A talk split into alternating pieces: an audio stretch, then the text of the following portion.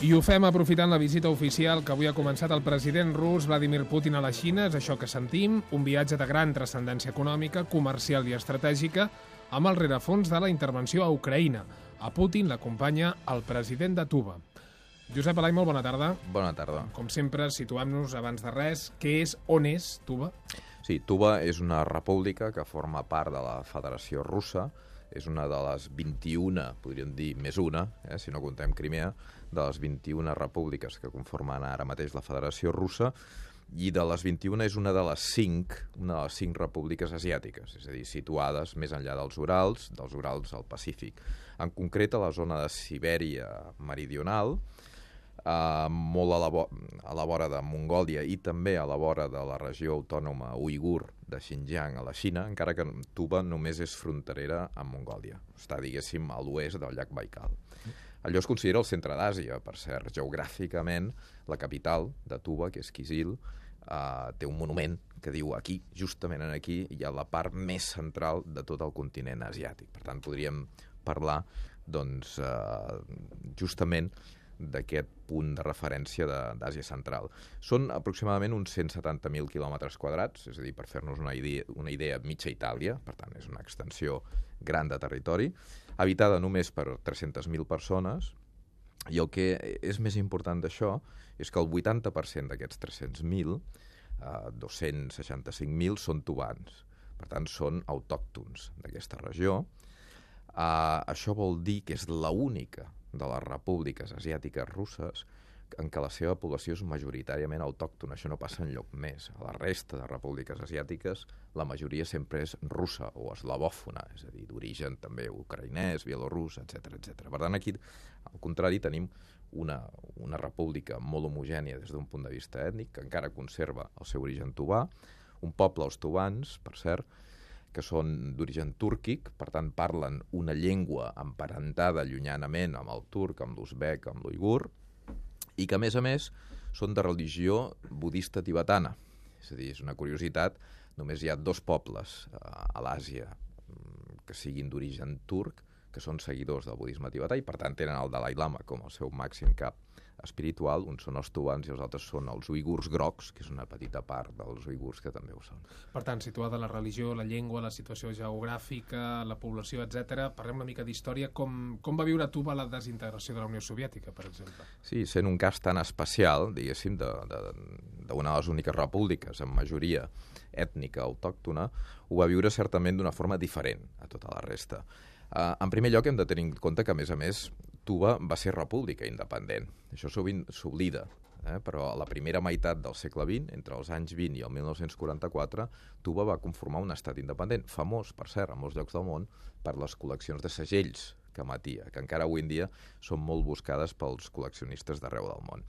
Això, en qualsevol cas, en l'any 1991, desintegració de la Unió Soviètica, li dona un joc especial a Tuba. És a dir, té un passat com a estat independent, llunyà ja, que el 1944 és integrada dins de Rússia no com una república, com era Kazakhstan o com era Lituània o Letònia, estrictament, sinó com el que ells deien una república soviètica autònoma, russa autònoma. Per tant, tenia un menor, una categoria menor a les que es van poder independitzar. Però sí que l'any 1993, d'alguna forma, intenta que li reconeguin aquest dret especial a separar-se de Rússia. I ho aconsegueixen amb una Constitució pròpia que ve avalada pel moviment democràtic de Tuba, que era un front popular creat a imatge i semblança del fronts, dels fronts populars bàltics. Van haver-hi lituans i letons que van assessorar els tubans, i van aconseguir unir-se tots per aconseguir com a mínim el dret a la secessió. El que és que tot això es va acabar dissolent perquè Rússia va eh, pressionar des del punt de vista econòmic, Tuba no tenia mitjans, necessitava les subvencions de Moscou, i d'aquesta manera, al final del, de la presidència de Yeltsin i principi de la de Putin, aconsegueixen controlar aquestes ànsies secessionistes a partir de la pressió econòmica, amb les inversions que fa Rússia Putin l'observa molt de prop. Hem de tenir en compte que, a més a més, Putin, podria dir, el seu braç dret, que és l'actual ministre de Defensa, és un tubà d'origen. El que passa és que doncs, treballa, eh, diguéssim, per, per la unitat de Rússia, però és un tubà. Per tant, Putin segueix molt de prop coneix molt bé què és el que passa a Deia Tuba al principi que, que el president de Tuba ha viatjat a la Xina amb Vladimir Putin. Eh, per, què, per què seria tan especial en aquests moments Tuba respecte a les altres repúbliques russes? Eh, doncs precisament perquè és de les úniques, si deixem estar Txetxènia, que va viure una terrible guerra, no? i tots sabem com va acabar, és pràcticament l'única república que queda dins de Rússia que encara té una reivindicació per formar un estat. Uh, a més a més, queda molt aïllada respecte a la resta de Rússia. El transsiberià no passa ni té cap brancal, que és la, la millor forma de comunicació en aquesta zona de Sibèria, amb Tuba. Per tant, darrerament, eh, amb el referèndum que ha tingut lloc a Crimea, és com si de, de nou s'hagin despertat eh, aquestes ànsies per crear un estat independent, a més a més, doncs d'alguna forma en aquests moments recolzats per un interès que també sorgeix entre els seus veïns, no Rússia, per veure si d'alguna forma poden connectar amb Tuba des del sud i aconseguir algunes de les riqueses econòmiques que té, que té aquesta república en el seu interior i que els russos no són capaços d'explotar perquè els hi falta la línia de ferrocarril.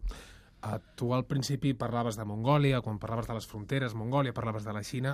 Com s'ho miren Mongòlia i la Xina, tot això? Clar, aquí hi ha hagut un canvi radical. És a dir, quan, quan Tuba, eh, diguéssim, viu aquell període mm, favorable a la independència als anys 90, es mirava Mongòlia com un país subdesenvolupat, com un país amb una economia doncs, en caiguda lliure, i per tant es volia d'alguna forma allunyar la influència mongola. Això s'ha capgirat amb el descobriment dels importantíssims recursos minerals, des de l'or fins al coure i la seva explotació a Mongòlia, Mongòlia hem de pensar que cada any creix com a mínim un 13% el seu producte interior brut. Per tant, és una de les economies en puixança a l'Àsia.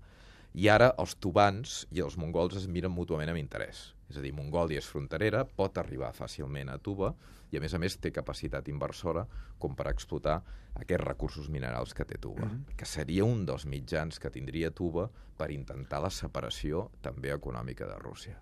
I al costat tenim l'altre gran gegant, que és Xina, naturalment, que s'ho mira amb molta atenció, perquè sap que Tuba són estrictes seguidors del budisme tibetà, per tant, entra el factor tibetà en aquí, i, i aquest és un dels motius pels quals Putin s'ha endut el president de Tuba cap a la Xina per intentar d'alguna forma calmar eh, els ànims xinesos respecte a Tuba, sospitosos sempre d'aquesta relació tibetana. Doncs això és la República de Tuba, com deia en Josep Alai, el punt més central del continent asiàtic. Josep, moltes gràcies una vegada més per venir al Mapa Mundi. Bona tarda. Bona tarda.